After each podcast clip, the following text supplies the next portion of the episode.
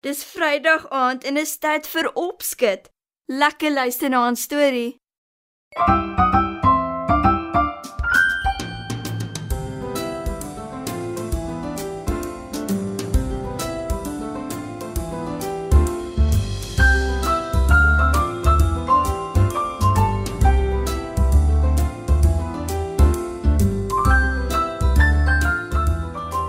Goeienaand maats. Vanaand se storie is Aap en sy viool.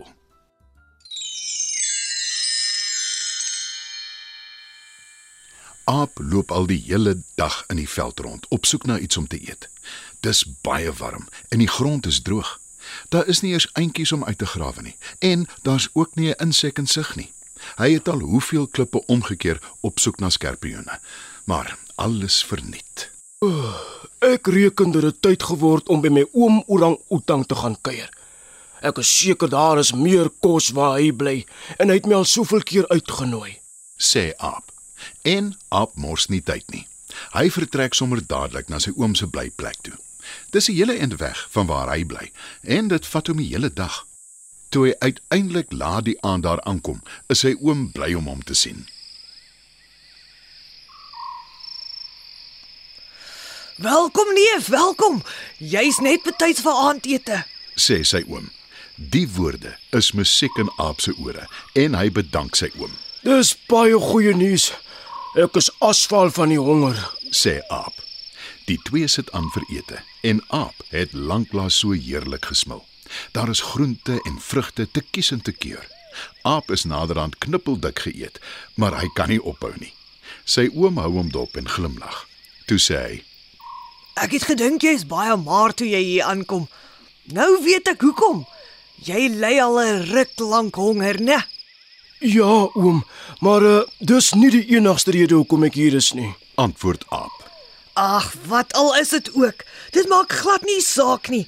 Dis lekker om jou hier te hê. sê oom Orang-Outang. Die volgende paar weke kuier Aap heerlik by sy oom. Hulle stap baie rond en sy oom wys hom allerlei mooi plante en wilde blomme. En daar is oorgenoeg vet insekte om te vang vir 'n vinnige happie. Hulle vat ook gereeld middagslaapies onder die bome in die koelte. En toe begin dit reën. Dit hou dae lank aan. En toe dit verby is, sê Aap vir sy oom: Uh, ek dink dit het tyd geword vir my om huis toe te gaan. Baie dankie vir die lekker kuier, oom. Dit was 'n groot plesier om jou hier te hê, neef. En ek het vir jou twee afskeidsgeskenke. sê oom Orang-Outang. Sommer twee. Baie dankie, oom. antwoord Aap opgewonde. Sy oom oorhandig 'n pyl en boog aan hom en sê: Hiermee kan jy jag en jy sal nooit miskiet nie. "Toe gee hy vir Aap 'n viool en sê: En as jy die viool bespeel, sal almal om jou begin dans. Hulle sal eers kan ophou dans as jy ophou speel. Dankie, liewe oom. Ek waardeer dit so baie. sê Aap en hy begin sy reis terug na sy huis toe. Hy het nog nie ver geloop nie toe hy 'n luiperd teekom. Die dier is moeg en uit asem. Ek probeer al die hele oggend 'n bok vang. Maar al is ek die vinnigste dier in die bos, bly hy my ontwyk. Ek is rasend van die honger. Brul die luiperd. Aap kry hom jammer en sê: Ek sal vir jou 'n bok skiet en dalk sal jy 'n happie of twee met my deel. Luiperd kyk skepties na Aap en sê: Nou goed. Aap lê aan met sy pylenboog. En so waar, hy skiet die bok raak. Luiperd is verbaas en dankbaar en die twee eet heerlik saam. Na ete sê Aap, Ek is weer op pad. maar Luiperd, wat baie jaloers is op Aap se pylenboog, dreig. Gee my jou pyl en boog of jy sal dit berou. Die aap kyk verbaas na hom en sê: Nee, beslis nie. Dis myne. Wel, nou is dit myne. sê Luiperd en die twee begin stry. Net toe kom Jakkals verbygeloop en vra wat aangaan. Aap verduidelik dat Luiperd sy pyl en boog wil steel, maar Luiperd ontken dit en sê: Dis nie syne nie, dis myne. Hey jok, my oom het dit vir my gegee. "Stry aap."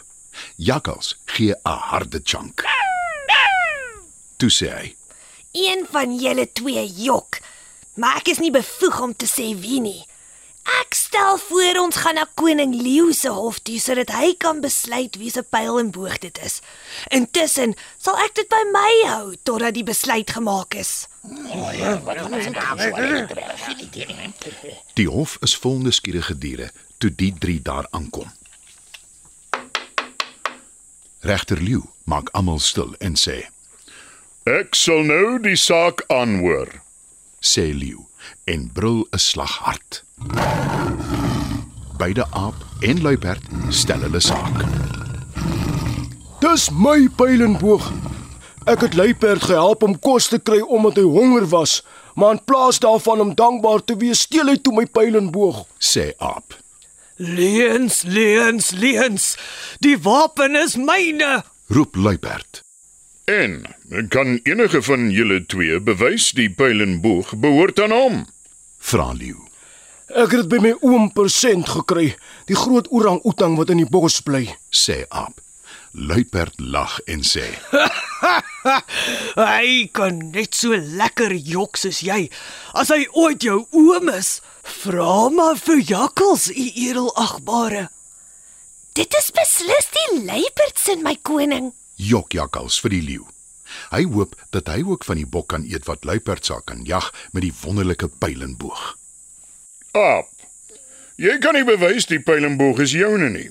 En jakkals het teen jou getuig. Jy verloor dus die saak. Luiperd, vat jou pyl en boog en aap, jy gaan tronk toe. Beslis leeu.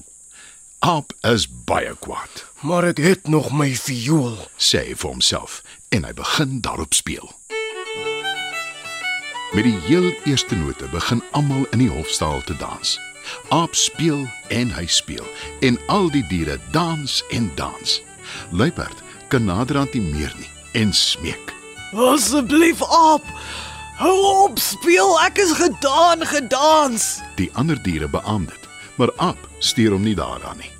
Hy hou net aan speel. Na 'n ruk sak leeu neer op die grond. Hy kan nie meer een voet voor die ander sit nie.